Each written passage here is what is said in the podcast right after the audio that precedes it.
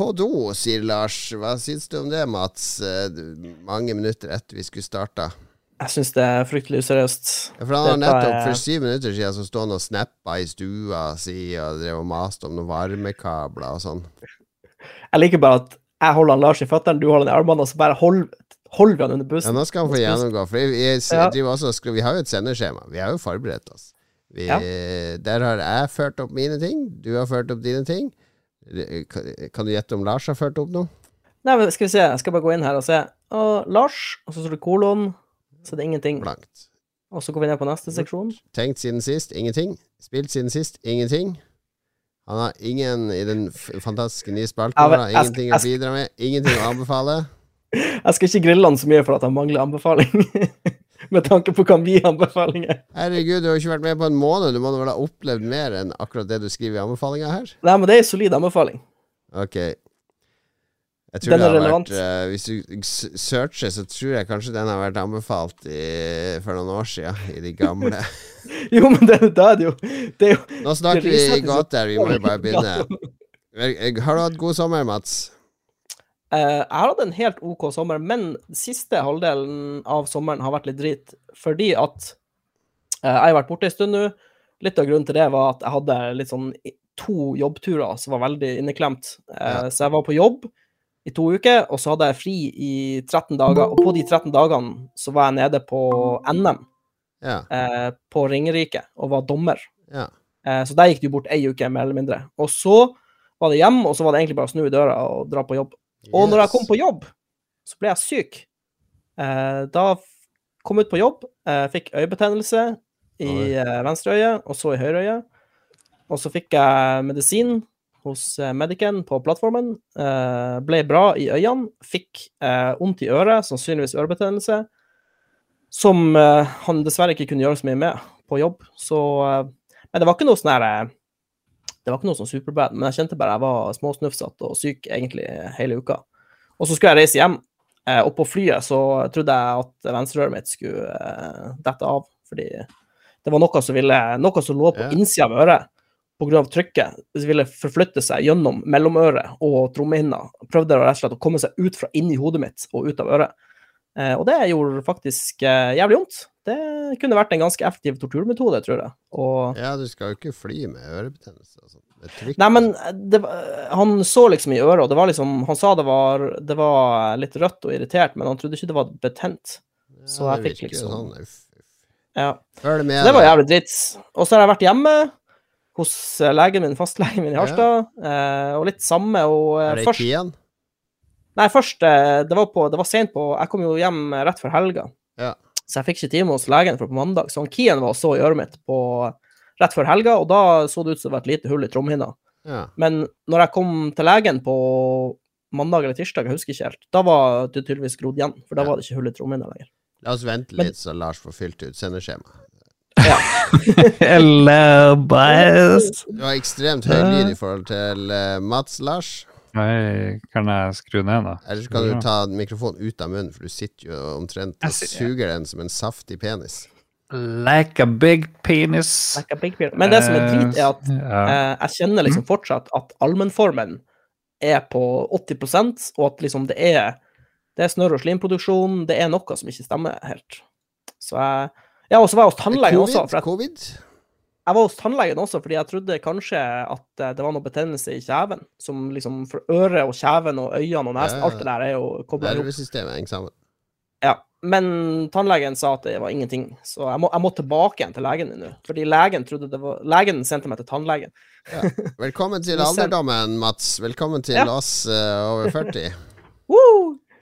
Det er en, en nydelig intro i 40-årene. Ja, ja, med sånn tull med øret. Det går bare ene veien. Nei, jeg, vi, vi, har kommentert det allerede i podkasten. Eh, du står og snapper i stua di tre minutter før sending, og så når sendingen skal begynne, så da skal du på do. Og sendeskjemaet er ikke fylt ut. Og jeg er spent på hvor mange lyttebidrag vi har fått. jeg glemte det.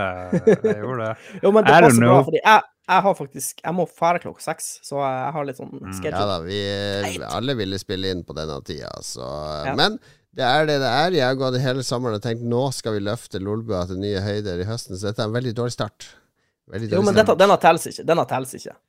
Okay. Neste uke Er starter Er dette generalprøven? Dårlig generalprøve, bra premiere? Ja, dette er sånn her folk har ramla ut av flyet. Vi er litt sånn eh, fortsatt litt bakfull. Eh, sommeren har ikke Vi er fortsatt, har litt sånn feber fra sola og ja. Vi er ikke helt eh, i hundre i vater. Det kan være. Jeg har ikke ramla ut av noe fly. Jeg har ikke flydd siden jeg var i begravelsen til vår venn Jens Arthur. Det er sist gang jeg fløy. Det er jo 100 år siden. Ja, det er the ancient nekter- times. Nekter å tro på det. Du må jo ha flydd. Nei, Siden da? jo fem år siden. så i stedet for å fly, så kjørte jeg til Spania i sommer. Det er mye bedre for miljøet å kjøre elbil til Spania. Nei, Jeg har kjørt eh, 7500 km eller noe sånt. Jesus. Christ! Hvorfor gjorde du det? Det er sånn typisk hvis du har gjort noe galt, for du kan ikke fly. Og da må du ha pass, og det har blitt No, no, trukket fly, no fly-list. No fly. Hva, har du gjort på, hva gjorde du på flyet tilbake fra Harstad, Jon Cato? uh, nei, det Du må spørre Har SAS. Jeg husker ikke hvem jeg Har du noen minner fra det fly, den flyturen? Ja. Dere kjørte bare om natta, var aldri ute om dagen. Nei, og så hadde du en hatt på deg hvis du måtte være ute. Kjørte på dagtid. eh, nei, det var, jeg hadde lyst til å prøve å kjøre dit, fordi jeg syns jo det er gøy å kjøre bil. Det er jo behagelig å kjøre bil, og i hvert fall hvis Mm. det er gode veier og ikke masse kø og sånn. Og det var, ingenting kø, bortsett fra i Tyskland, der det var 1000 veiarbeid samtidig. Jeg sjekka tallet. De, de, I sommer så kjører de 1000 veiarbeid på, på autobanen, på 1000 forskjellige steder. Men, Så- men i Tyskland der kan du kjøre så fort du vil på noen baner. Eller Ja, er det ikke i juli, for da er det, eh, da er det veiarbeid overalt. Ah, Ah, så du ja. fikk ikke liksom maksa Teslaen? Ja, jeg har vært oppe i 160 eller noe sånt. Det har jeg. Oi! Tøft. Eh, Hvordan funka det? Vet ikke om det er maks ja, Det funker jo at du trykker inn gasspedalen. Altså helt Ja. inn, da holder den helt inne lenge. Men begynte det å riste? mer og mer sånn fart. Kalles akselerasjon. Du kjente muttrene løsne og sånt. Og det er veldig ubehagelig å kjøre fort i en bil som ikke tåler det, for da bråker det så mye, liksom. Jeg har hørt at eh, hvis du kjører en Tesla over 180 km i timen, så kommer du på en video av Elon Musk som winker til deg på eh, Eh, Det Skjermen. må jeg prøve. Ja. Prøve Så reiser du tilbake til 1950-tallet. Det gjør det også. Jeg kjører opp på Ja, det er 88 km i timen, Lars. 88 miles per hour. Ja, ja shit. Der, Nei, men du eh, jeg har i hvert fall kjørt i stort sett hele sommerferien og vært på mange kule steder. Vi stoppa jo mange steder over natta, så jeg har jo vært i St. Pauli-distriktet i Hamburg. Jeg har vært på uh, Mont Sant uh, Michel, eller hva det heter. Det er, eh, det er sånn her Dungeons and Dragons-by på en holme ute i vannet, liksom. Mm. Eh, vært i Orleans, i San Sebastian, i Madrid. Eh, føler jeg har eh, vært veldig mange steder. Jeg har vært i seks-syv forskjellige land. Hvor var det best? Hva er liksom det, det her det her var bra, jeg, her bør andre oppleve det.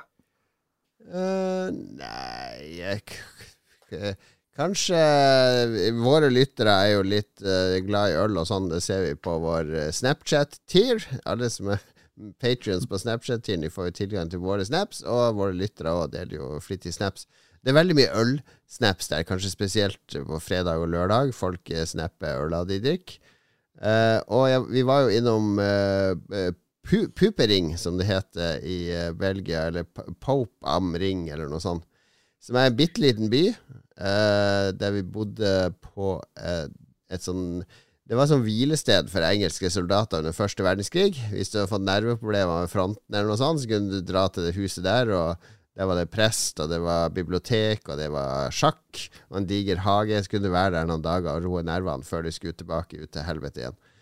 Eh, så den er rett ved de frontlinjen, den byen. Uh, Knøtt liten, men de har et munkekloster der. eh, som heter Var det her det der slottet dere bodde på, eller hva dere bodde på? Nei, det, Mm, det var noe annet. Det var noe annet. For det, var, det så ut som det beste for meg. Litt sånn der uh, høy uh, overklassegreier hvor man skulle spille tennis og sånt. Det var Det bare noe- Var det bare skitt? Å Ja. nei.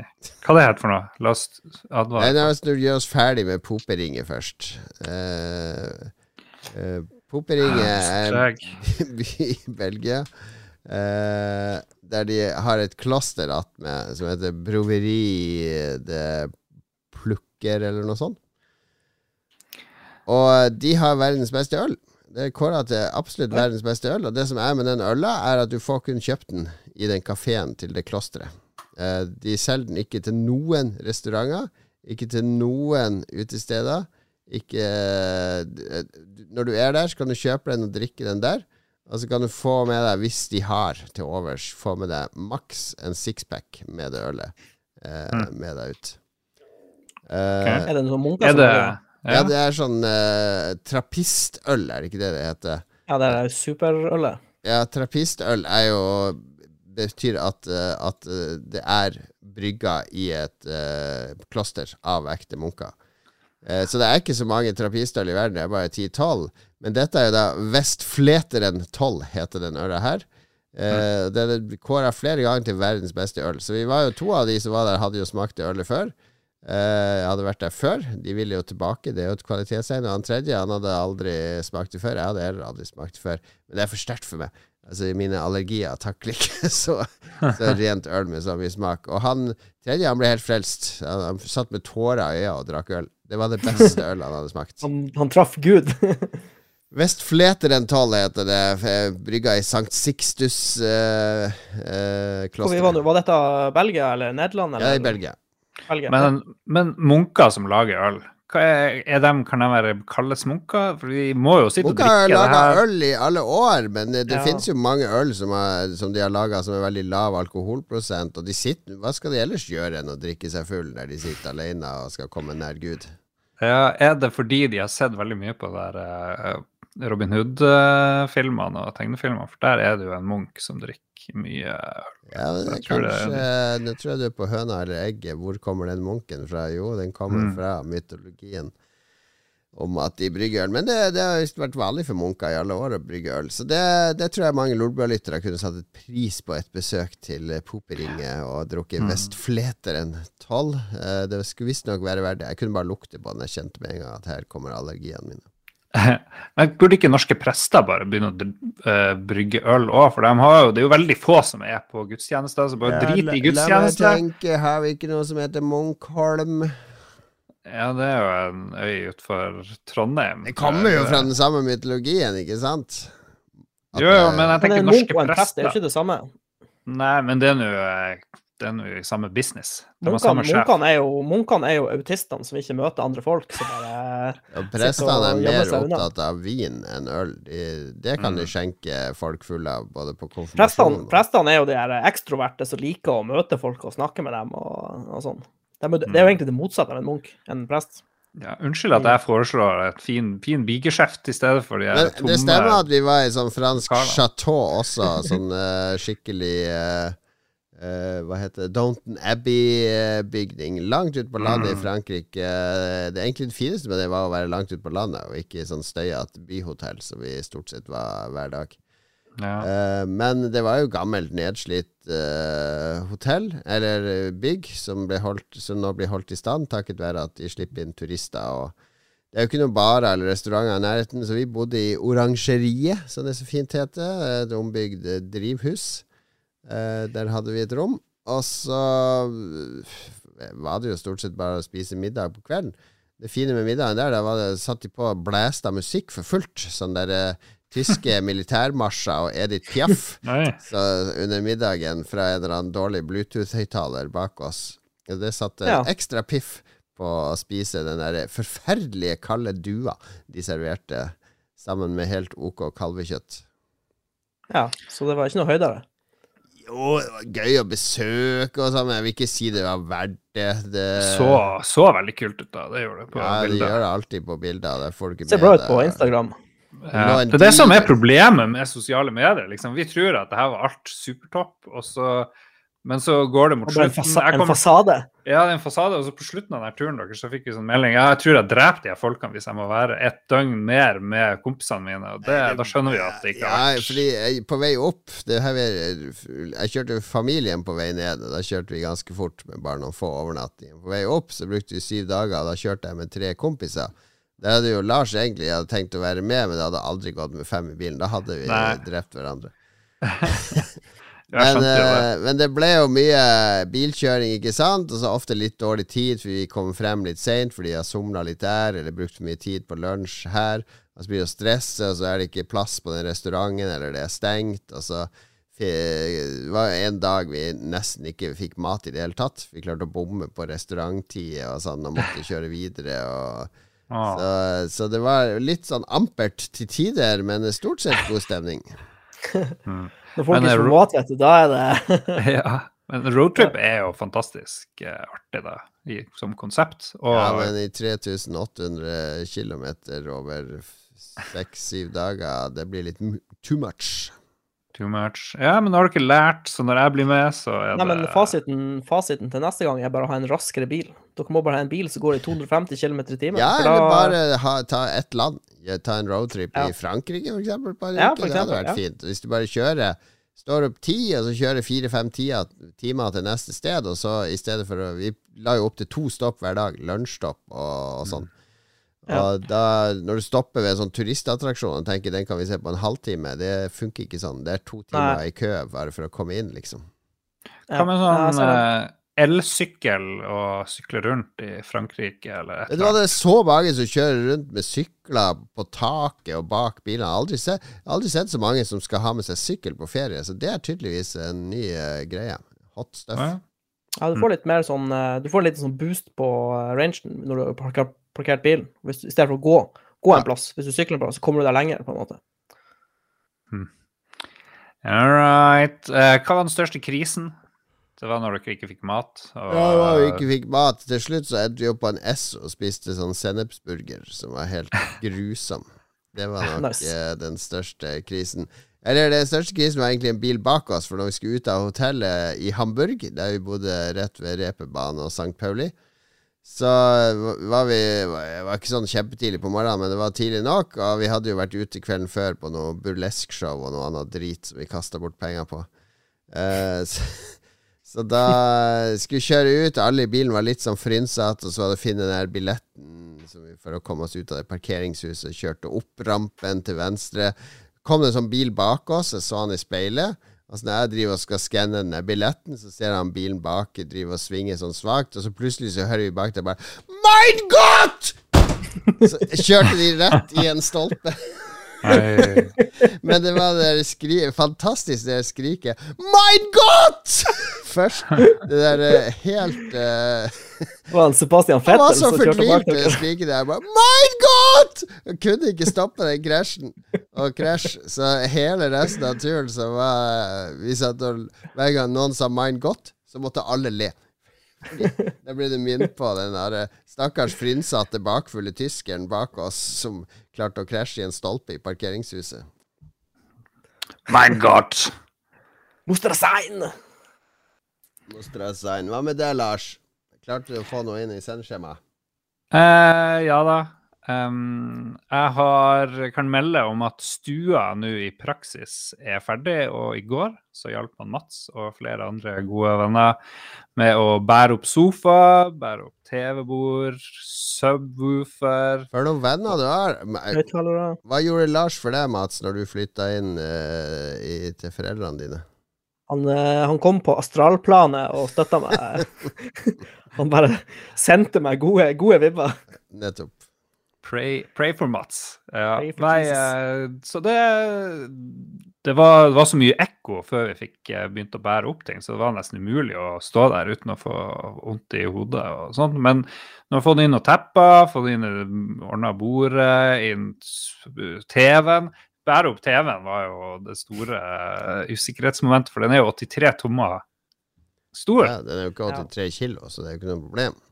Nei, men han er litt sånn Jeg har sett en dokumentar om Munch-museet når de skal flytte sånn her gigantisk muralmaleri inn, så de heiser med heisekran inn sida på Munch-museet 50 meter over bakken. Der snakker du flytteoperasjon opp en TV-en din. Herregud. Kan vi ikke brette den sammen? Ja, det, kan, det går fint an. Eh, det mest spennende kanskje er jo at jeg har eh, fått kontakt med, med flere som jeg vil uh, få tilbud fra om varmepumpe, men det viser seg at to av dem er mortal enemies. Og jeg skal ikke nevne navn, men eh, jeg sier jo til dem da at jeg driver og ser etter varmepumpe og vil gjerne ha det. Og så vil jeg gjerne ha tilbud, og sier jeg det kommer flere innom bare for at de skal vite at det er litt konkurranse, da, at de ikke skal gi meg den høyeste prisen, kanskje, eller noe sånt. Men, men så er han innom, og så sier han eh, hvordan ting er, og hvor han vil putte varmepumpen, hva det koster, og hva han syns om utedelen, hvor den skal være. Og så sier jeg at ja, så skal jeg nå uh, høre med han og han. Ja, og så sier han der der, ja. ja han, uh, du må ringe meg etter du har snakka med han, for han sier så mye rart. Så jeg bare ja vel, det var noe merkelig. Jeg får virkelig sånn dårlig vibes der. Jeg synes, eh, Hvorfor skal du drive og baksnakke folk? Så får jeg han andre på besøk, og han sier faen meg Han lurer jo på hvem andre jeg har snakka med, og så nevner jeg nå de eh, folkene, og så sier han ja, han der der, som er han samme som som baksnakker han. Han, eh, han har mista jobben her og mista jobben der, og han har mye dårlige løsninger og ditt og datt. Så nå er jeg midt oppi sånn her uh, klimatilbehørs... Du, du, er, du, er, liksom mellom to skilte foreldre. Du er barnet mellom to skilte ja. foreldre som hater hverandre. Så nå må jeg velge mellom en og de, og de virker jo hyggelige begge to og sånt, så det, det blir veldig spennende. Er det bare to i hele Harstad? Nei da, det er mange, men det, jeg har bare hatt to på besøk, da, så det er flere som er på tur men, eh, og noen har ferie og sånt, så men, men Kan du ikke ta Da ville jeg tatt inn en tredje, og så ville jeg skrevet sånn review til begge de her to. Jeg vet hva jeg valgte da bort fordi de driver og baksnakker en konkurrent. Det gidder jeg ikke. Send det til begge, så kanskje de slutter med det. Det er jo ikke noe poeng ja. å gjøre det. Nei, det er jo ikke noe poeng, men jeg tror de bare hater hverandre så intenst. At de, eh, det, det, er noe som driver og spiller over. Så jeg skal få snart en tredje og fjerde, håper jeg. Så får vi se hvordan det går. det er jo ganske rart. Men uh, han uh, siste her, han mente jeg måtte støpe fundament og ha varmepumpeutedelen oppå. Så det er jo et helvete i seg sjøl. Men blir ikke, det, sånn. blir ikke det bare å bli helt nedsnøa? Ja, det blir da stående eh, ved siden av det vinduet ute der, eh, ikke sant, hvor varmepumpa skal være. Mm, eller ja. altså, du, du støper et fundament oppe på veggen, på en måte? eller? Nei, det står i rosebusken eh, ved siden av terrassen der. Ja. Mot veggen. Så det kommer jo ikke så mye snø, men du kan få litt sånn tak, og så blir det litt bygd opp. og sånn, Men liksom er det? Hålogaland, Elektro, Maki, Henteg Det er ikke så mange i Harstad. Det er lett å identifisere for lyttere som har lyst til å granske dette nøyere. Skal gå på Facebooken til alle som har jobba der, og se om de tidligere har jobba et sted og fått spark. Oi, oi, oi. Dette er detektivoppgave for våre lyttere. Jeg vet ikke om noe av det stemmer. Kanskje de bare dikter opp alt. ikke sant? Kanskje de bare elsker drama. Kanskje. Er det virkelig det mest spennende du hadde å by på nå, Lars, var varmepumpe? Mm. Så har vi, har vi, nevnt at vi spiller frisbeegolf, uh, Mats? Ja, shit, det har vi ikke nevnt. Vi har jo ja. vi har blitt uh, hekta på disk, diskgolf, som det heter. Jepp. Så det har vært uh, mange dager på rad så har jeg brukt lunsjen til å spille Eller ikke mange dager, to dager har jeg brukt til å spille diskgolf i lunsjen. Første dagen måtte jeg stikke, for vi brukte så lang tid på å fyke gjennom. Lete etter frisbee og kaste Men i dag var vi, i dag var vi ganske har, vi kan jo nevne kjapt eh, De har lagd en sånn nihullsbane i Folkeparken i Harstad. Med liksom ganske bra eh, ja. utnødsprosjekt. Med skikkelige kurver og eller eh, sånne utkastermatte og en sånn fin sånn plansje med 'her er hullet', og her må du, her må du stille deg hvis du får straffekast og, og sånne ting. Og så har de lagt det inn i den app. Den app som heter Judisk, som alle som spiller discgolf, bruker. Og de har fått den lagt skikkelig inn der i den appen. Så ja, veldig moro. Ja, moro. Jeg spilte i Oslo, det er så mange som spiller, så det er så mye kø, så jeg har ikke orka å stå i kø en halvtime før du får kaste ut på hvert hull, ikke sant. Det, ja, det, det, det er fordi dere much. er bak sånne folk som oss. Ja, Så dette er noe dere vil anbefale, altså? Ja, ja. Jeg hadde med fire unger, og vi var til sammen til slutt seks voksne, tror jeg. Jeg vet ikke hvor mange. Nå har jeg kritisert Mats for hans elendige valg på anbefalingsspalten, så hvorfor i all verden tok du ikke dette i stedet? Kanskje neste uke. Kanskje neste uke. Nei, nå har du brukt opp. no way. Ok, så stua di er ferdig nå, Lars?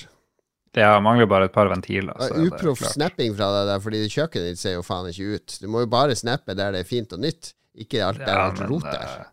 Uh, real. Always keeping it real. Alright,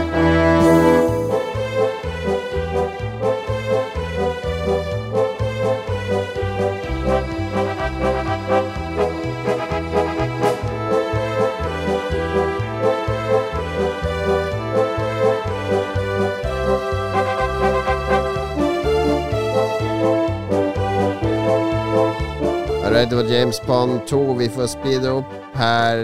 Var, var ikke lang nok musikkpause for Lars til å fylle inn ett punkt til. Ok, Lars, hva har du spilt i det siste?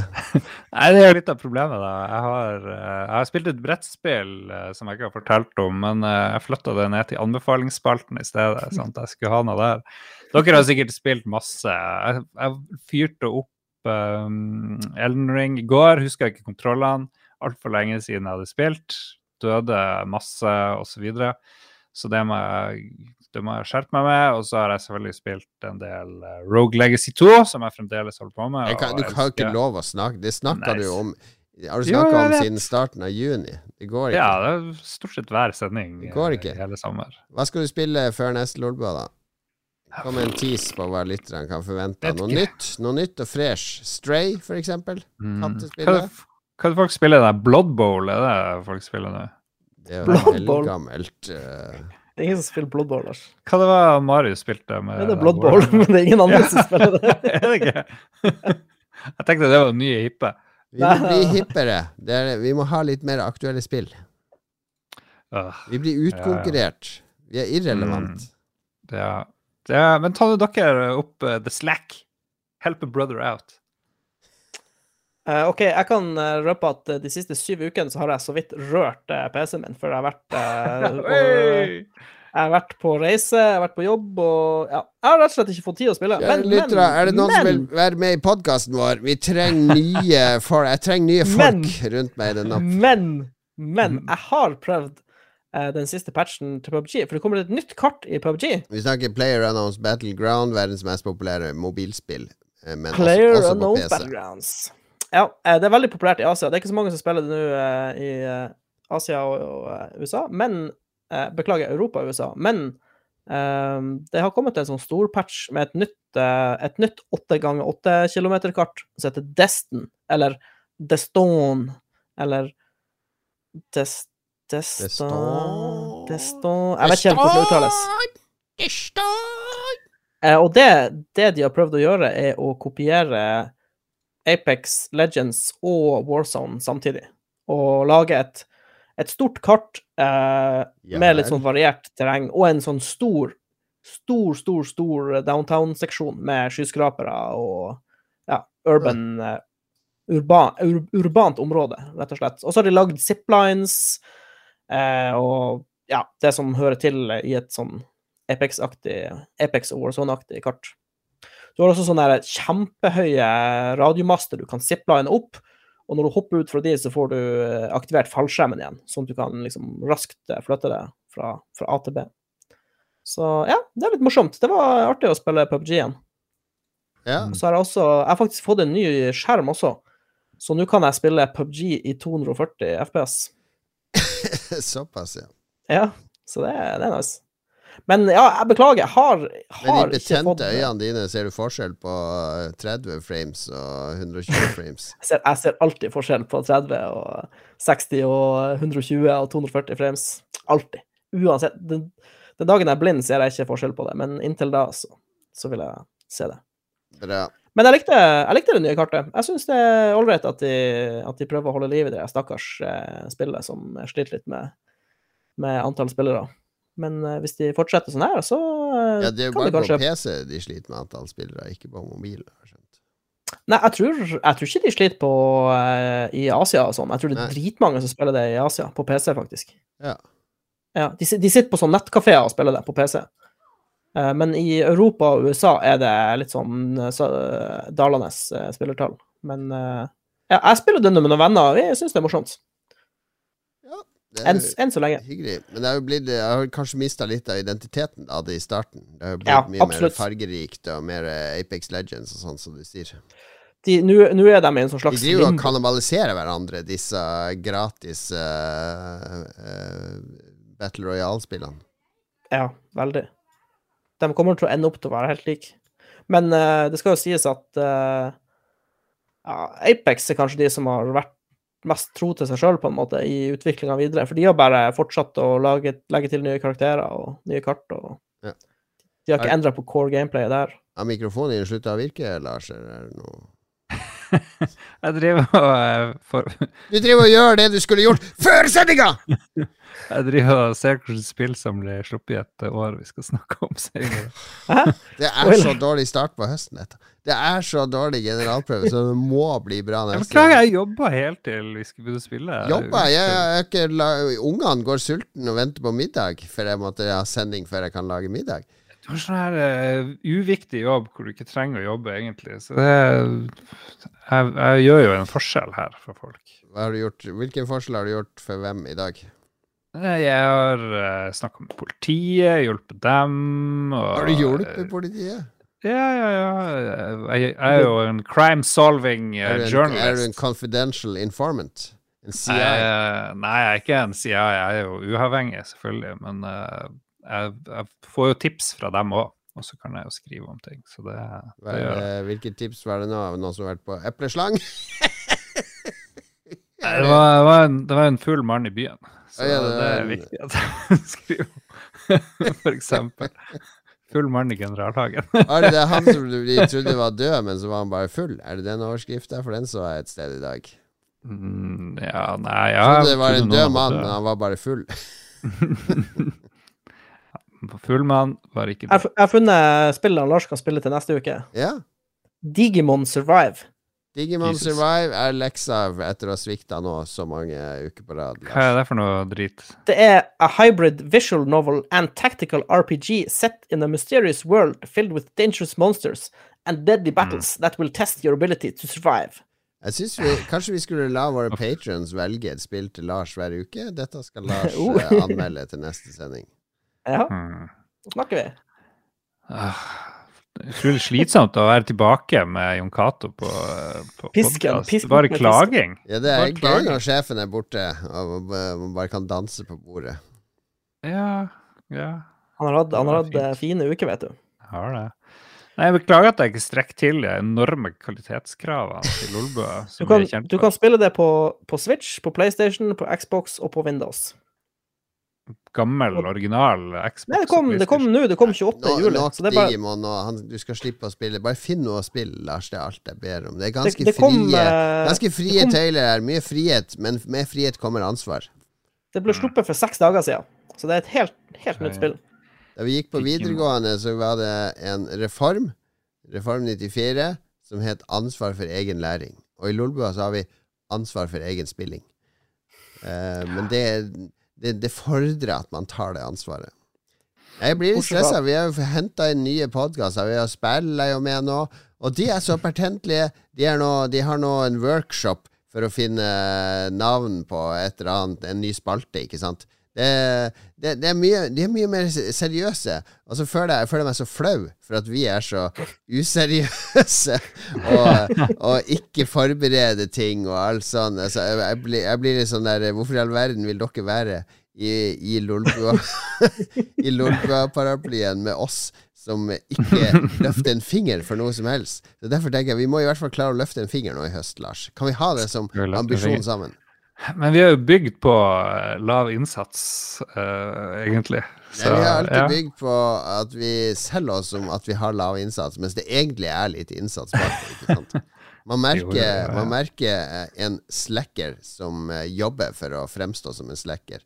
Mens en som bare er slacker, han er ikke så interessant. Ja, ja. Nei, men OK. Men jeg har spilt oss, litt eh, spill i feriene. Jeg har spilt uh, Før jeg dro på ferie, så lasta jeg ned Dark Souls på Switch. Mm. Ja, fordi, fordi jeg leste litt om det, at det var en bra port og alt sånn. Og så jeg hadde lyst til å spille noe sånn Elden Ring-aktig eh, mens jeg var borte. Eh, og da tenkte jeg hvorfor ikke? Jeg har jo spilt Dark Souls flere ganger før. Eh, og det er faktisk en ganske bra port. Altså du ser jo Det er jo som å spille når du hadde Amiga, og du måtte spille Commodore 64-versjonen av et Amiga-spill. Det er en sånn nedgradering i den grafiske kvaliteten. Det er jo ikke 60 frames, det er 30 frames. Det er litt frame drops her og der. Men det er det samme spillet. Og siden jeg har spilt det før og går igjennom kjente territorier og har de samme kampene på nytt, så syns jeg det var, det var kjempegøy. Men jeg hadde jo ikke lyst til å ha det som første møte mitt med Dark Souls 1. Ikke sant? Du skjønner hva jeg mener her, Mats? Ja. jeg, jeg vil jo gjerne spille et nytt spill mest mulig spektakulært og kult, men siden jeg har spilt det før, så er Switch-versjonen det er greit. kje, kjempegod. Eh, du hadde kost deg med det på flyet, f.eks., til og fra plattform, tror Ja, jeg. vi, er, vi, er, vi er ferdig med Dark Souls 1, på en måte, så dette er bare sånn gjensyn. Ja, det er gjensyn. Det er no Ja, ja. nostalgi. Og, og det er jo mye på Switchen som er det for meg, disse Super Nintendo-spillene og Nintendo 64-spillene og sånne ting, som er gøy å, å gjenbesøke. Så det blir, Mm. blir på en måte det. Men det jeg har spilt mest på Switchen, er jo Into the Breach. Eh, Det oh. litt gamle Det, det er et puslespill eh, kamuflert som et strategispill. Eh, for det er egentlig et puslespill Ja. eh, under der. Du skal eliminere styrker på et sånn lite rutenett, et slags sjakkbrett. Og så Det er mange måter å gjøre det på. Du kan dytte de, og du kan dra de Og du må, mot du, må, og- du må alltid tenke to til tre trekk frem i tid. Ja. Ja, minimum. å bruke styrker De, de tre tr troppene du har, de har helt ulike styrker, så du må virkelig få dem til å spille på lag og optimalisere trekkene du gjør, og sånne ting. Og det har, vært kjempebra siden det kom, men akkurat som de gjorde med FTL, det er de samme som utvikla det fantastiske romutforskningsspillet FTL, så kom de med en gigasvær patch helt gratis nå i sommer, med masse nytt content. Det er nye, ny musikk, det er nye fiendetyper. Eh, det er nye oppdrag. Eh, det er en ny vanskelighetsgrad for de som syns det var for lett med hard. Eh, det er nye piloter, det er ny gear. Så det, det er basically en sånn patch som uh, Hadde det vært EA eller noen andre, så hadde det vært en sånn her uh, enorm ny season. Altså en ny Destiny expansion.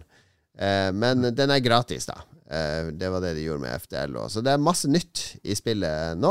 Så det er en kjempebra tid til å gjenbesøke det. Og det er et perfekt Switch-spill. Ligge i senga eller på sofaen og pusle med disse soldatene. Ja. Ja, det virker veldig spennende. Det ser veldig bra ut. Så har du vel magisk musikk fra han der Ben. Ben et eller Ja, annet. Det er Ben Pranty, Ben Pranty som, eh, som også lagde musikken i FDL, som eh, Ah, har laga en lydbilde. Det er, det er ikke den musikken i FDL er veldig sånn sci-fi, reise i rommet-aktig, mens her er det mer sånn bakgrunns... Du legger ikke merke den, til den så mye, men du Ah. legger merke til den hvis den er borte. Sånn at den akkompagnerer det du gjør, perfekt. Ok. Nå burde jeg egentlig hatt musikk fra det her, men det har jeg ikke. Jeg Missed var- opportunities. Jeg, vet- jeg var bare nysgjerrig på hva uh, Subset Games holdt på med, så jeg gikk på hjemmesida deres, og de, eh, de skal slippe en Into the Breach Physical Edition. Available later this year. Altså et sånn Jeg vet ikke, det må være et sånn slags Er det et brettspill, eller er det Eller er det bare merch, liksom? Fysisk release. Det er mange som India som slipper fysisk oh, ja, ja, det er bare- ja, til, ok. eh, Men hva kommer den fysisk? Kommer det på en USB-stikke, liksom? Hva, Nei, det, det er til Switch, Switch-kassett. Mm. så følger det med noe eh, merchandise. Jeg var jo med å gi ut Switch. Jeg var med å gi ut av Magnus Lipp på Switch, jeg. Fysisk. Finnes Mm. det. Collectors item går for 100 000 dollar minst på eBay.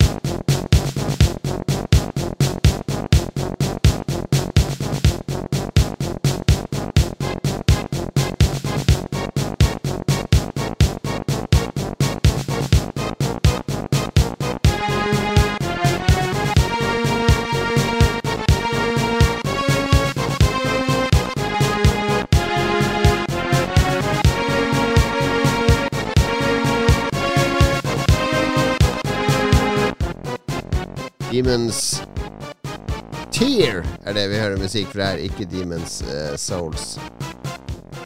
Det er Demons Soul. Souls. Dark Souls. Demons Souls Ja, det er Eller vel det. Demons Soul? Det var en fantastisk musikk. Dette vil jeg høre mer av. Det er hyggelig at du sier, Lars. Jeg bruker nemlig flere timer hver uke på å gjøre research og finne musikken til sendinga. Det det er en av mine oppdrag før eh, hver sending. Ja, det høres virkelig. De, vi er kommet til en splitter ny spalte der vi skal eh, Den skal vi klare å holde gående. Fordi dette handler om å reise tilbake i tida. Jeg har sett mange på Twitter nå har begynt med De har posta sånn bilde av en eller annen dude og sånn derre For hver like jeg får, så skal jeg si min eh, favorittfilm fra 2022, og så ett år ned for hver like. Altså de folka folk og trykker like, like, like, like, like, like, like, like, like, like, like, like, like, like, og så er det sånn «Åh, 2001, ja, det må det bli uh, Shaving Private Ryan. Var kjempebra. Det er sånn trend. ikke sant? Så blir det sånn lang Twitter-tråd. Og så er det noen som gjør det samme med spill, har jeg sett. Uh, World of Warcraft 2007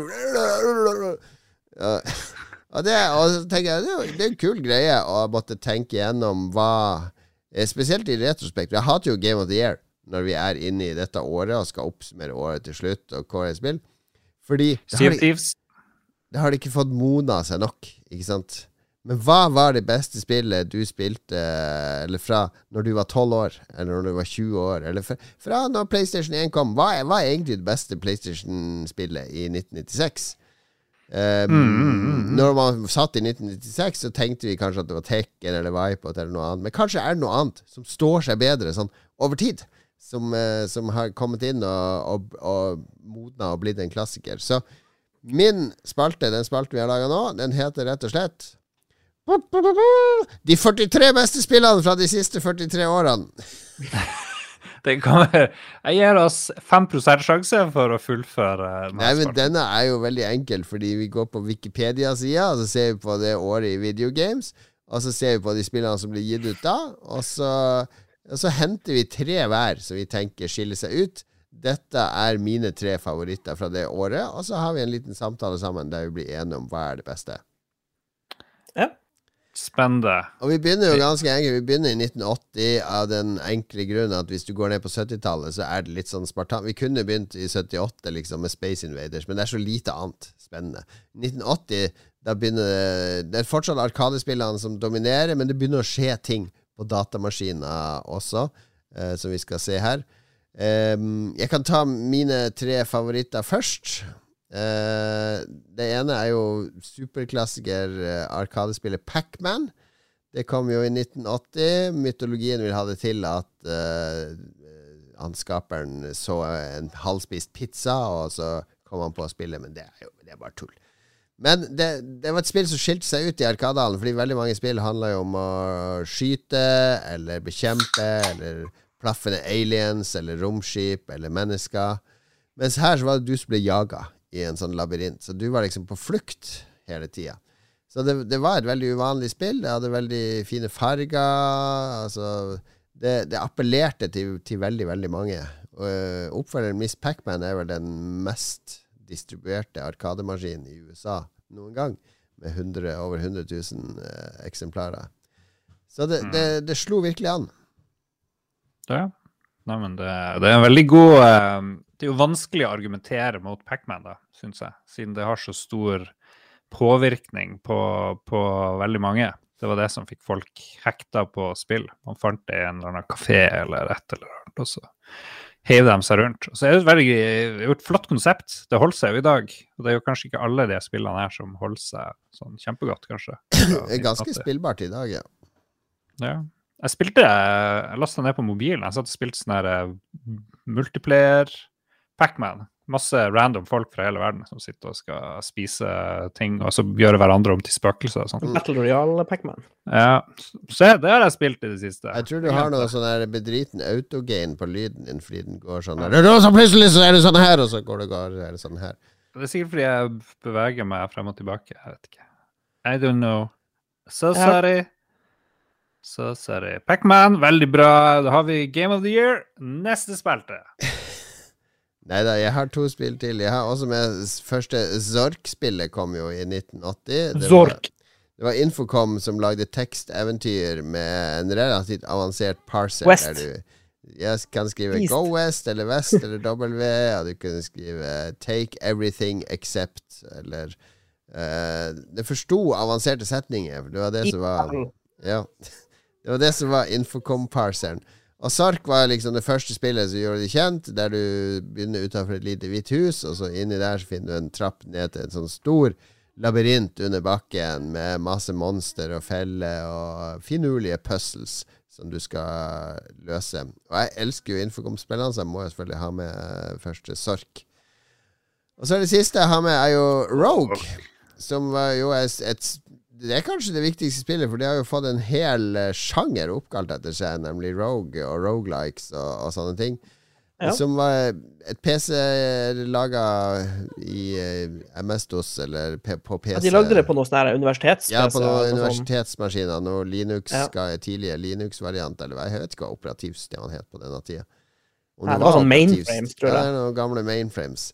Men Ja. eh, Rogue var jo da eh, De brukte jo bare ASKI-grafikk, altså tastaturtegn, til å lage labyrinter som du skulle gå rundt i. Og de var eh, prosedyrelt generert, altså random-generert, basert på algoritmer. Så hver gang du starta spillet, så var det noe nytt, og hva du møtte, og skattene du fikk, og alt. Som var helt unikt på denne tida, da. Det, det, det er jo en, en revolusjon. Og vi ser jo Det er jo en stort marked for sånne Rogue-spill i, i dag. Det er jo, er jo mange som elsker det konseptet. Med, Mm. uh, at spillet Ja, blir på noe nytt hver gang du starter det. Ja. Nei, også, til en viss grad så er det jo Det er jo andre spill enn Roguelikes òg, sånn som eh, Diablo og sånne spill er jo liksom Jeg tror ikke vi hadde hatt det i den formen uten, uten Så til og med Assassin's Creed Valhalla kom med en oppdatering denne uka som er en sånn Rogue-del i spillet, der du Jeg tror du skal være Odin i, som, gjennom en dungeon som er random-generert. Og, og Hades er jo et spill, ikke sant, som vi er Mm. en favoritt i Lolbua, som er eh, Rogue Light, er det vel. Røger. er det er jo to, to brødre som holder på å lage De har jo et, lagd et spill Eller de holder på å utvikle et spill som heter Dwarf Fortress veldig lenge. Mm. Og det skal jo komme med sånne tiles, eh, som egentlig bare betyr at du går fra å ha bare sånn ASCII-grafikk til å ha faktisk grafikk. Og det skal komme på Steam, og de har jobba med det veldig lenge. Så det er, det er jeg veldig spent på. Det tror jeg kan bli superkult. Men ja, det var litt digresjon. Um, mine tre spill uh, Jeg måtte bare gå på Viken, for jeg, 1980 er veldig langt unna for meg. Jeg var ikke født. Eh, men jeg har spilt alle de tre spillene her, faktisk. Ja, ja, ja. eller, eller jeg vet jeg har spilt to av dem, og så tror jeg jeg har spilt det siste, for det så kjent ut på videoen. Eh, og det er da Missile Command, som Mhm. er det der er ganske enkle hvor du skal skyte Du spiller et sånt tårn, og så skal du bare skyte ned sånne raketter som kommer mot deg, eller kommer ned på bakken. Eh, og så Battlezone, husker dere det? Mm. Det er eh, Eh, tankspill med sånn 3D-vektorgrafikk. Ja. Det som er kult med Battlezone, er at jeg husker det kom en sånn her eh, remake på PC på eh, sent 90- eller tidlig 2000-tallet, som jeg spilte ganske mye, faktisk. Eh, og det tredje spillet mitt er Wizard of War. War. War. Jeg vet ikke hvordan det uttales. Høres ut som et nattspill. Det gjør det. Wizard, Wizard of War er omvendt Pacman, på en måte. Du spiller sånne her, eh, astronauter som driver og blaster noen sånne spøkelser, og så dukker det opp en wizard plutselig som er usynlig og er litt sånn trasig, så du må dodge litt og prøve å drepe. Og så er det coop. Du kan spille to. Det var, Det- var vel på Commodore 64 òg, det spillet, faktisk. Ja. Jeg har sånn vage minner om at jeg har spilt det Mm. Hmm. for lenge siden. All right. Uh, skal vi se Missile Command er vel det som er mest kjent av de spillene her, tror jeg. Ja. Kanskje? Uten Ja. tvil. Ja. Spennende. Uh, jeg jukser, jeg heiv inn Galaxian, for det, det, det ble jo lag. 1979, sorry. Men siden vi ikke tar de årene før, så lurer jeg er igjen. For det er jo noen en Space Invaders-klone, men det ser tusen ganger bedre ut. Vi kan ikke kåre et spill fra 1979 til det beste spillet i 1980. Nei, nei, men det er noe mer. Er med. Du trenger ikke kåre det til noe som helst, men det er med. For det var jo sånne spill jeg spilte da jeg var liten. Det var jo liksom favoritten. Han er ikke, og... er ikke så opptatt av årstall. Nei, nei, fuck det. Bortsett fra det det er god tid. Da, nei, det skal være i år. Det skal være jeg må spille det i år. det Sea of Thieves har blitt tre ganger Game of the Year hos oss, så det Ja, slutt. Ja, det er sant. Anyway, så The Galaxian ser veldig bra ut som Space. Og så er jeg enig i at Pacman fortjener å, å være her. Det er jo sant, det, det utvider spillpublikummet mye mer enn noe annet spill på den der tida, tror jeg. For da kunne hele familien være med. Det var liksom forståelig og søtt og fint og artig og avhengighetsskapende. Så konkurreres jo i fremdeles. Uh, man prøver å sette rekorder osv. Så, videre. så eh, det syns jeg er sterkt. Så tok jeg med Rally X, for jeg husker jeg så en dokumentar om musikk i dataspill, og det er vel det første spillet med et sånt soundtrack mens du drev og kjøre, mens du drev og spilte. Andre, andre spill hadde ikke musikk i bakgrunnen. Og det er egentlig ikke musikk, men det er egentlig det òg. fordi når du kjører, så lager den sånn motorlyd, men den går i sånne noter. Sånn dut, dut, dut, dut, dut, dut, dut. Og det inspirerte mange, mange som eh, i senere tid lagde spillmusikk. Så det har en viss kulturell eh, relevans fremdeles. Men eh, Det spilte jeg masse på Trollhøgda mellom Harstad og Narvik, for det hadde de i sånn eh, cocktailbord. Hadde de Rally X der ja. tidlig 80-tall.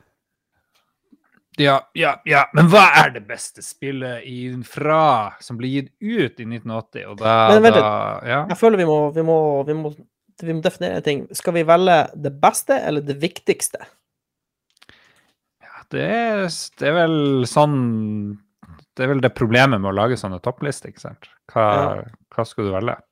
Du For jeg føler, jeg, føler, jeg føler det beste, det som beste på sånn game design, gameplay, visuelt, det er Pacman. For det, er- det er allround beast mode. Men jeg føler Rogue er et veldig viktig spill. For det har, det har gjort så mye for spillsjangeren. Pacman Ja. kan du spille i dag. Rogue er sikkert helt forferdelig drit å spille i dag, tipper jeg. Nei, Rogue går fint å spille han i dag. Det er dritt. Ja, nei, vi må Jeg, jeg kjøper Mats sin. Altså, Dette skal være Lolbua sin offisielle kåring av de aller beste og viktigste spillene fra hvert år. Altså, disse spillene er eh, Hvis man skal oppsummere Hvis det kommer en alien og han spør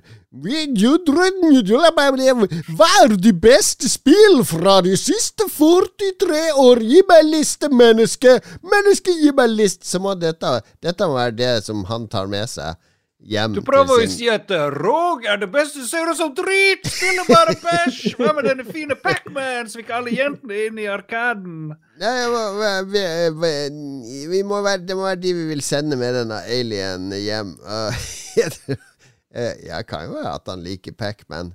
Det må være spill som har en stor impact. Spill som uh, er Altså Uten disse spillene så ville spillverden vært fattigere.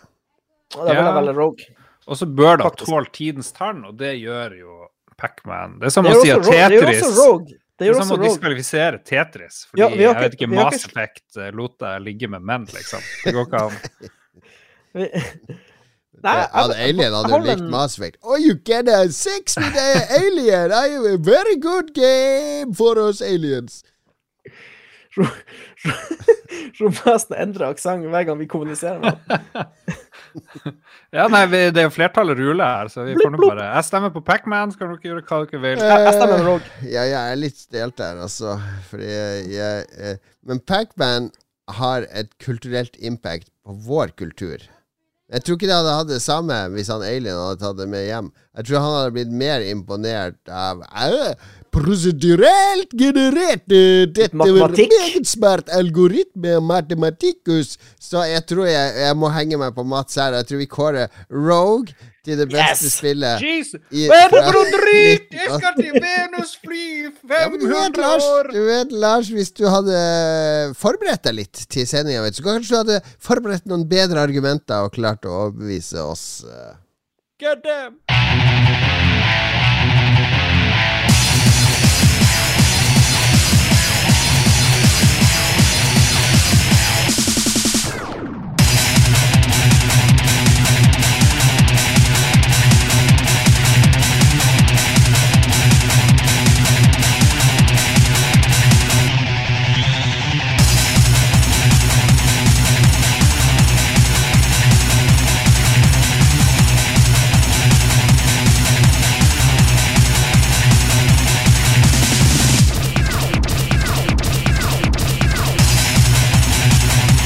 Det hørt for seg dette Sega racing-spillet som jeg har glemt navnet på. Det er en eller annen Arkade-racingspill fra Sega. Er Noen katter har brukt flere måneder på å finne musikk til Lars, du må, før neste sending må du i hvert fall gjøre noe feilsøking på den mikrofonen, for det er eh, sånn der peaking og alt sånt som du er bruker å klage på i sending. Ja, det er helt, det er helt sjukt. Det er det er. Mats er helt fin, så det er ikke Google Meeten som fucker opp. Ja. Fuck. Fucking shit. Så jeg beklager, men det er generalprøve, folkens. Det skal Ja. være terningkast én på generalprøven, og vi ligger nå og svever rundt totallet. Nå, nå, har vi masse, nå har vi masse momenter vi har skrevet ned i notisblokka, som Ja. vi forbedrer til neste gang, og så blir det perfeksjon. Neste uke blir det en perfekt episode. Det blir nye spill vi har spilt. Det blir uh, Vi skal ta for oss året Lars har spilt Digimon Survive. Kåre beste Og vi skal til og med ha lytterspalten tilbake. Den har vi ikke nå, og det er faktisk like greit, Fordi du må jo stikke om et kvarter, eh, Jeg har litt sånn time, timeskvis. Så vi får nesten avslutte med anbefalingsspalten og eh, Lars, skal du begynne med det? Jeg skjønner ikke hva din er, Mm. så nå er jeg spent. Det er et brettspill som eh, går ut på å eh, sitte rundt et kart over jordkloden og eh, ulike regioner og hav. Og så får du utdelt noen brikker, og så skal du bruke brikkene på å plassere hvor du tror det som er på kortet som trekkes opp, hvor det er i verden. Hvor befinner vi oss nå? Så er det ulike wonders of the world. Det Du, du har skrevet at det heter Terra, men det heter planet på norsk. Ja, det, da jeg spilte det i Sverige, så het det Terra. Så hvis du Ja, det er fordi de er så sinnssykt pretensiøse. Det heter Planet på norsk. Får det på GameZone til 274, så fikk vi en shoutout til en av Norges beste nettbutikker for brettspill. Jeg aner ikke om det er det samme. I tillegg til Jo, det er det samme. Jeg sier jo at det er det samme. Ikke krangle på fakta nå.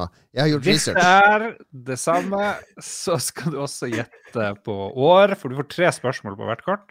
Du, du får et spørsmål om uh, tid, Uh, hvilket år ting vet, eh, planet, der skal du befolke planeten din med flest mulig dyr. Skal du det? Nei, skal du ikke. Så det Kanskje ikke det. Du tror det. Hva er det for noe drit du har spilt av? Nei, det heter Terra, og du har tre ulike, tre ulike ting du skal gjette på. Det ene handler om mengde. Hvor mye, hvor høyt er huset, f.eks., eller hvor uh, et eller annet. Noe med, leng noe med liksom.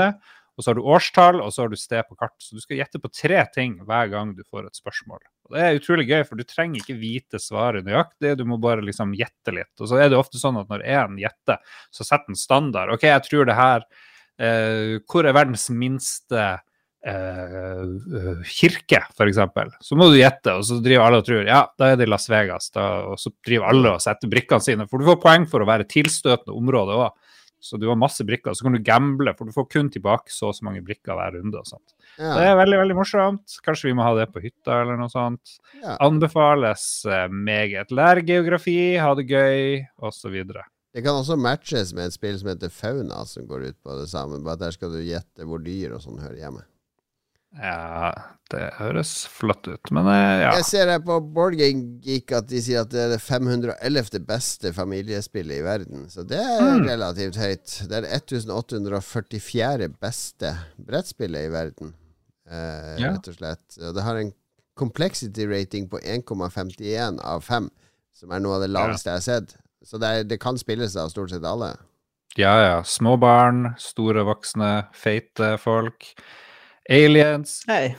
Og du vil eh, Du vil ha board game? yeah, jeg du anbefaler Terra? Er det sånn Veldig hvor bra. mange vinduer er det i eh, Det hvite hus? Ja, for eksempel. Hvor høyt er det her huset her? Hvor uh, Og så videre, og så videre. Hvem vant når dere spilte? Ikke jeg og uh, Elin vant, tror jeg. Elin var god på eh, gjetting. Alien is good. Ja. Og nå driver Jon Cato som vanlig og skal drive og snakke med andre. Kona er jo som vanlig venner. ute, så jeg må håndtere to barn eh, eh, digitalt og to barn fysisk.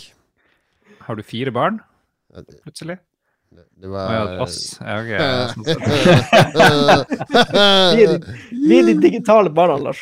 Uh, God damn owned!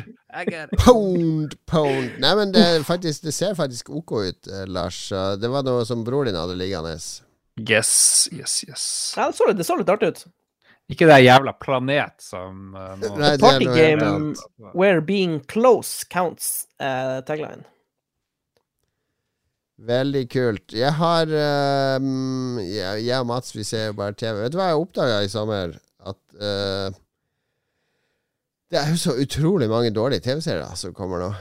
Eh, jeg, for jeg var jo en, over halvannen uke på Vestlandet med svigerforeldra og prøvde å finne en krim som vi kunne se på, for de liker krim.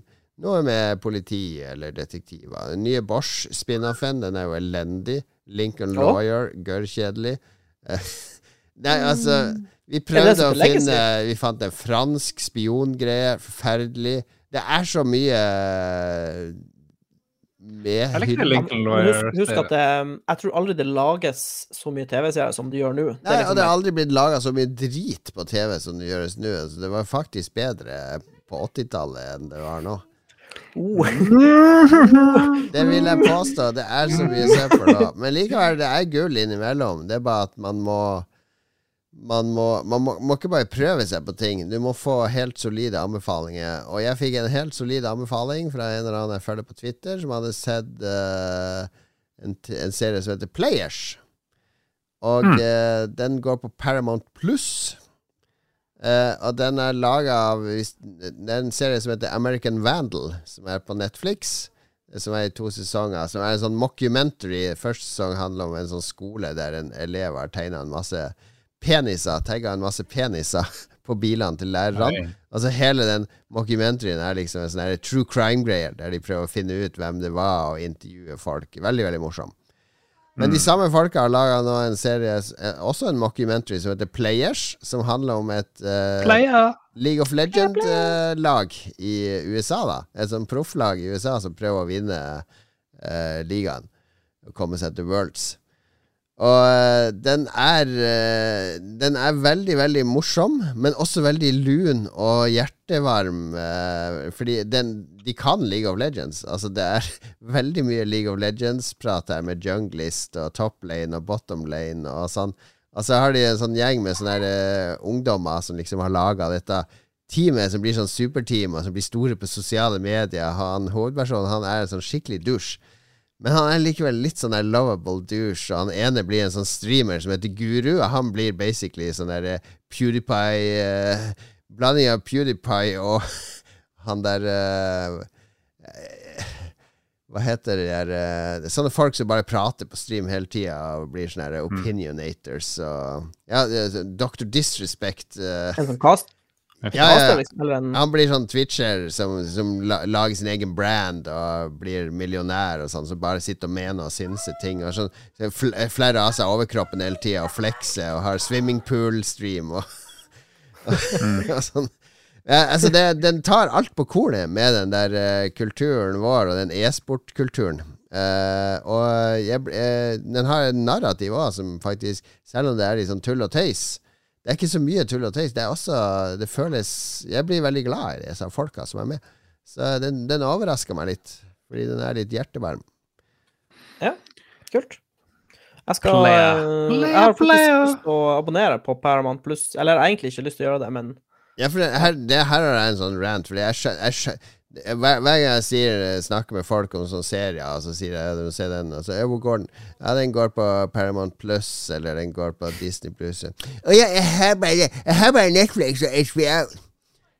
Ja, hvor, eh, hva, hva, hva er greia her? Kan du kun lese bøker fra Aschehoug, og ikke Gyldendal? Nei, jeg, jeg, jeg kan bare lese Gyldendal-bøker. Jeg, jeg har abonnement på Gyldendal, så jeg kan bare lese det. Du kan jo for faen se hva du vil. Det er jo bare å så si opp Netflix, og så signe opp på noe annet. du må, du må innrømme at det er litt styr å drive og bytte abonnement hele tida, bare fordi du ikke har lyst til å Det er ikke noe styr i det hele tatt. Det er et par museklikk. Ja, det er litt glemmer Hvorfor, du hvorfor være lojal, lojal til Netflix, for eksempel? Ja, det, det er fordi det er lett. Det er lettvint. Det er jo ikke Jeg, jeg syns det er helt irrasjonelt å ta opp jeg, jeg et abonnement en måned og se noe. jeg, syns, jeg syns det er sykt eh, dritt å måtte Det er litt sånn som de her gamle TV-pakkene, ikke sant? Du, det er veldig dyrt hvis du skal ha alle TV-pakkene, så du må liksom velge deg en, på en måte. Så nå er det litt, blitt litt det samme med streamingtjenestene. Du kan ikke abonnere på alle. Du kan du jo bare slå de av og på. Jo, men det er jo Folk glemmer det av, og så står de og går og Nei, trekker det. for jeg jeg gjør det der med alt mulig annet. For eksempel så kjøpte jeg Kahoot premium en måned, bare for jeg skulle ha en Kahoot for 100 stykk. Og så øh, tok jeg og signa ut etterpå. Det der gjør jeg med en haug med tjenester. Så du må trenge en måned, men ikke neste måned. Det er jo ikke veldig vanskelig å, må du logge inn på TV-en på nytt igjen når du har eh, skrudd av abonnementet. Fordi du er blitt logga Du må ikke det, men det, jeg syns det er helt irrasjonelt. Og det, det, det HBO gjorde med å tilby tjenesten sin til 40-50 kroner i måneden, de har sikra seg inntekter på 25 000 fra hver eneste jævel som kommer til Nei, jeg kan ikke si det her opp! Jeg må ha det til jeg dør! Velkommen til Lolbo, eller Jon Cato lurer på hvorfor er ikke alle sånn som han eh, hele tida? Nei, men det er jo ikke noe rasjonelt argument for å, Jo, å la være å å si se en det- serie. Fordi si du må betale like mye som en pils for å få tilgang til den, og du kan umiddelbart slå av abonnementet med en gang du har sagt ja, og så har du det ut måneden. Ja. Det er ikke jeg sier bare vanskeligere jeg, enn å bestille noe på Amazon. Nei, men også, det er jo det, er jo, det, er jo det hele at det blir en greie hvis du, eh, hvis du La oss si du abonnerer en måned på Paramount Pluss, og så ser du noen TV-serier, og så eh, skrur du av abonnementet, og så går det en stund, og så kommer det noe nytt. eh, Da er jeg ganske sikker du må drive og logge inn på nytt igjen på TV-en din og alt sånt. Jeg tror ikke du eh, forblir logga inn når du har slutta å betale for den Kontoen tjenesten. din er jo der, men du får ikke se innholdet. Du må jo bare betale for en ny måned på nettsida. Ja.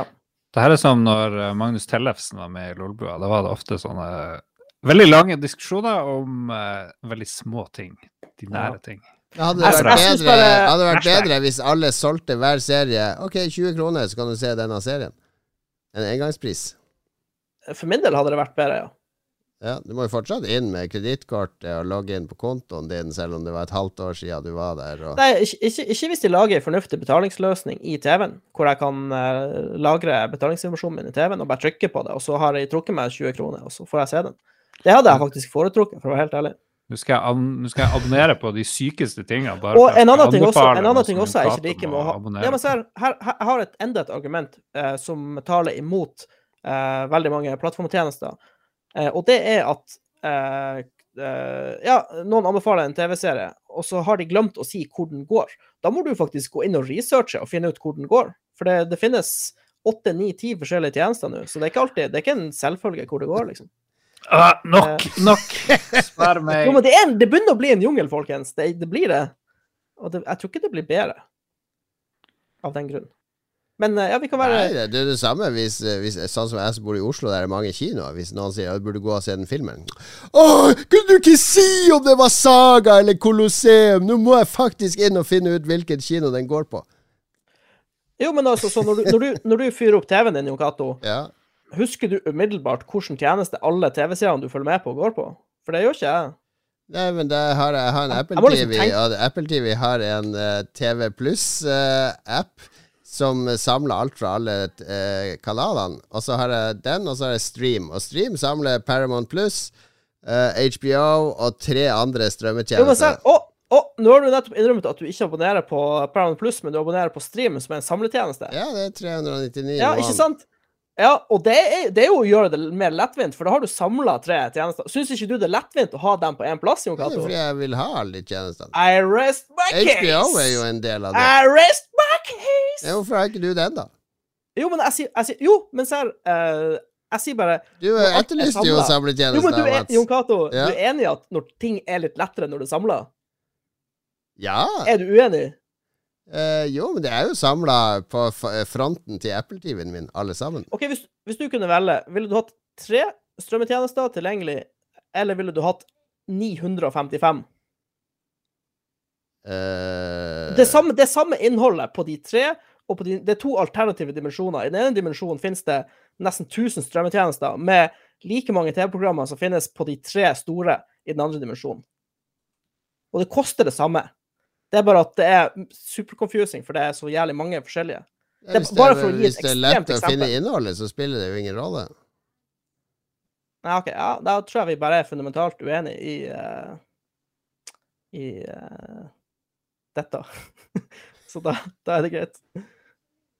Ja, altså Jeg syns bare det er vi har jo, vi, har jo syv forskjellige spillplattformer. Det er jo ikke veldig vanskelig å finne ut hvor man kan spille et spill. Ja, det er et Switch-spill. det, det, ja, det, jo, det blir jo van, blir, jo flere plattformer du introduserer, jo vanskeligere blir det jo for brukeren å finne det spillet han vil spille, hvis det bare er tilgjengelig på én plattform. Det må du være enig i. Eh, Ja, men det, det er jo ikke noe som et KG-search ikke løser. Nei, men nettopp. Jeg, det, men jeg snakker liksom som den enkle hverdag. At du må slippe å liksom researche en ting for å faktisk spille et spill eller se en serie. Eh, jo, jo mer tjenester, jo mer krøll blir det. Det, det. det er bare mitt synspunkt. Uh, ja, ja, jeg bare Det er jo ingenting jeg gjør som jeg ikke Men- researcher. Men, men, men alt, alt, alt liksom alt med måte, på en måte. Det trenger ikke være én Men, tjeneste. ok, jeg tror jeg skjønner. Du tenker at en TV den skal ha alt innholdet rett der og da? Altså, jeg vil bare, jeg vil bare ha eh, Du skal ikke måtte om. åpne en spesifikk app for å se et spesifikt innhold på en TV? Ja. ja. Det hadde vært det perfekte. Ja. Så når du hadde TV-kanaler før, så huska du at på 23 var det den kanalen, og på 19 var det den kanalen. Du trengte ikke å gå inn på en meny og finne den ka kanalen som hadde det innholdet, eller den sportssendinga, går den på TV2, eller går den på NRK? Ja, eller for eksempel, for eksempel nå, hvis du har en smart La oss si du har en smart-TV, og så er ikke Paramount Plus-appen installert på den TV-en. Da må du jo først legge inn appen, bare for å få tilgang til eh, og, og det er jo ikke sikkert eh, folk har fått med seg, liksom. Nei, Så det, det er bare litt sånn Ja, det er jo sånn det fungerer. Må jo ha Steam for å spille Steam-spill, liksom. Jo da, men Men Det er ikke Steam noe å slå på Windows. Ja, alle spillene burde ligge i Windows. Nei, men jeg tror du misforstår poenget mitt litt.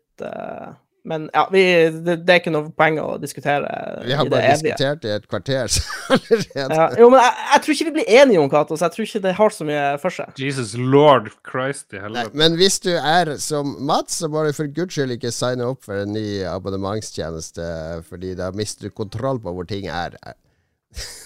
Og jeg finner det ikke igjen. Nei da, men jeg mener jo at eh, de tjenestene eh, Det er jo de som lager innholdet og betaler for det. De vil jo selvfølgelig ha sine egne tjenester, og det eh, kan være kjipt. Men uh, det er jo en jungel, som Mats sier. Uh, jeg sliter jo Altså, også med å finne hvor serier Ja, hvor, er. hvor, skal det, hvor skal det stoppe? Skal vi, skal vi ha 25 premiumtjenester, liksom? Ja, vi har jo mange hundre TV-kanaler. Det er jo ikke Ja. så stor forskjell.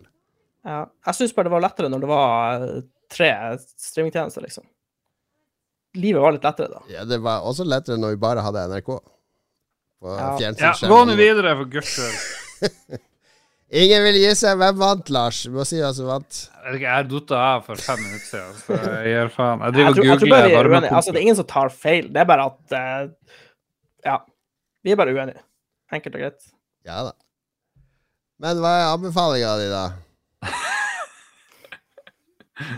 Anbefalinga mi er uh, Jeg bytta tre ganger, kan jeg nevne. Men uh, det, det er faktisk uh, en app på telefonen som gjør det som gjør det ganske lett å lese bøker når du sitter på flyet, og når du sitter i taxien og du ikke har lyst til å dra opp en svær jævla Kindle. Så har de lagd en, rett og slett en Kindle-app som du kan legge inn på telefonen din, hvor du kan lese bøker. Som jeg egentlig har avskrevet i alle år, for jeg tenkte det var sykt drit å sitte og lese ei bok på en liten skjerm. Men jeg har gjort det nå eh, de siste jobbturene, og jeg syns det fungerer faktisk overraskende bra.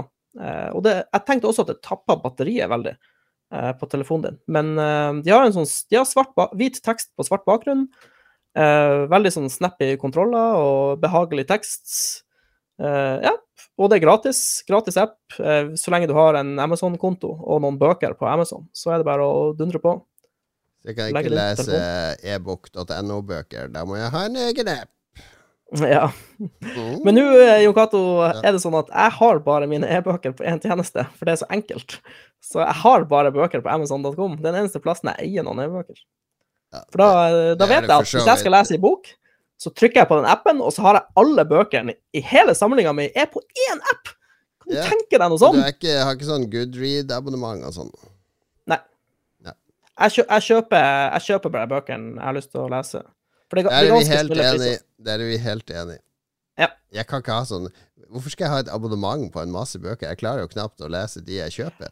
Ja, spesielt Jeg har ramla veldig av lese, lese, lesinga, så jeg, ja, det går sakte, for å si det sånn. Men når, når jeg leser, så syns jeg det er veldig ålreit med å lese på telefon, faktisk. Jeg har begynt- jeg har snudd litt på det. Så hvis noen er Men teller ikke noen- det som skjermtid? Fordi skjermtid er jo ikke bra for folk, har jeg lest i avisen. Å ja, Det er mye skjermtid. Da er du jo oppe i sånn her eh, syv timer med mobil skjermtid om dagen på mobilen din. Ja. Jeg vil si at lesebøker ikke er skjermtid. Det er unntaket som bøker bekrefter er veldig unntaket. Helt Ja. enig. Quite agree. Mm, ja ja, da må Mats stikke, og så må jeg dra og spise middag hos moderen. Så videre. Hva du skal gjøre, Jon Cato? Jeg må lage middag til ungene. Oh no, du kan jo ikke lage mat. Og så, og så må, jeg, jeg, jeg, må jeg eksportere denne podkasten. Og så ja, må jeg legge den ut på eh, alle oh, podkastplattformene som vi skal publisere på, og skrive en artig tekst til uh, Hør Jon. Cato og Mats Hør, krangle i 15 ja, minutter. hør Jon Cato og Mats krangle i 17 og Og, Lars, en totalt uforberedt Lars, uh, improviserer seg gjennom episoden. OK, jeg har, jeg har, har forslag til clickbait-tittel. Hør den sannsynligvis dårligste episoden vi noensinne har laget. Jeg vil vite hvilken middag du skal lage, Kat, for jeg vet du kan ikke Jeg lage må faktisk på butikken og handle middag først, for det rakk jeg heller ikke Pizza? før det. da Pizza? Pyttipanne, Det blir pizza. grøt, antagelig. det blir grøt, Fjordland. Ja, jeg, hvis jeg ikke vil stå en time og røre i den grøten, så må det bli Fjordland. Eh, Det kan, du lager jo ikke middag når du varmer opp noe uh, Fjordland i eh, mikroen. Så varmer det opp middag. Og du lager middag. ikke podkast når du dukker opp fem minutter etter tida og ikke har forberedt deg i det hele tatt, Lars Rikard Olsen. Takk, våre produsenter. Klarer du det, da? Ha det! Og takk til produsentene, for guds skyld. Det, Ja, ja. ja, jeg vil gjerne takke våre produsenter TT MXMP, Kenneth eh, Koblerkar84, Erik Jarlsberg, Bjørn Bjelland og alltid Magnus. Eh, Fantastiske. Jeg beklager at dere betaler for denne skiten. Beklager, beklager, beklager. beklager. Vi skal skjerpe oss til neste episode, vi lover det. ja.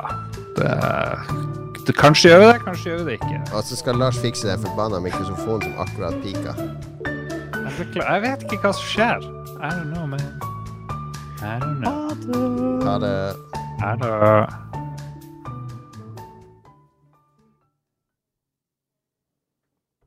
Har du et enkeltpersonforetak eller en liten bedrift? Da er du sikkert lei av å høre meg snakke om hvor enkelt det er med kvitteringer og bilag i fiken, så vi eh, gir oss her, vi. Fordi vi liker enkelt. Fiken superenkelt regnskap.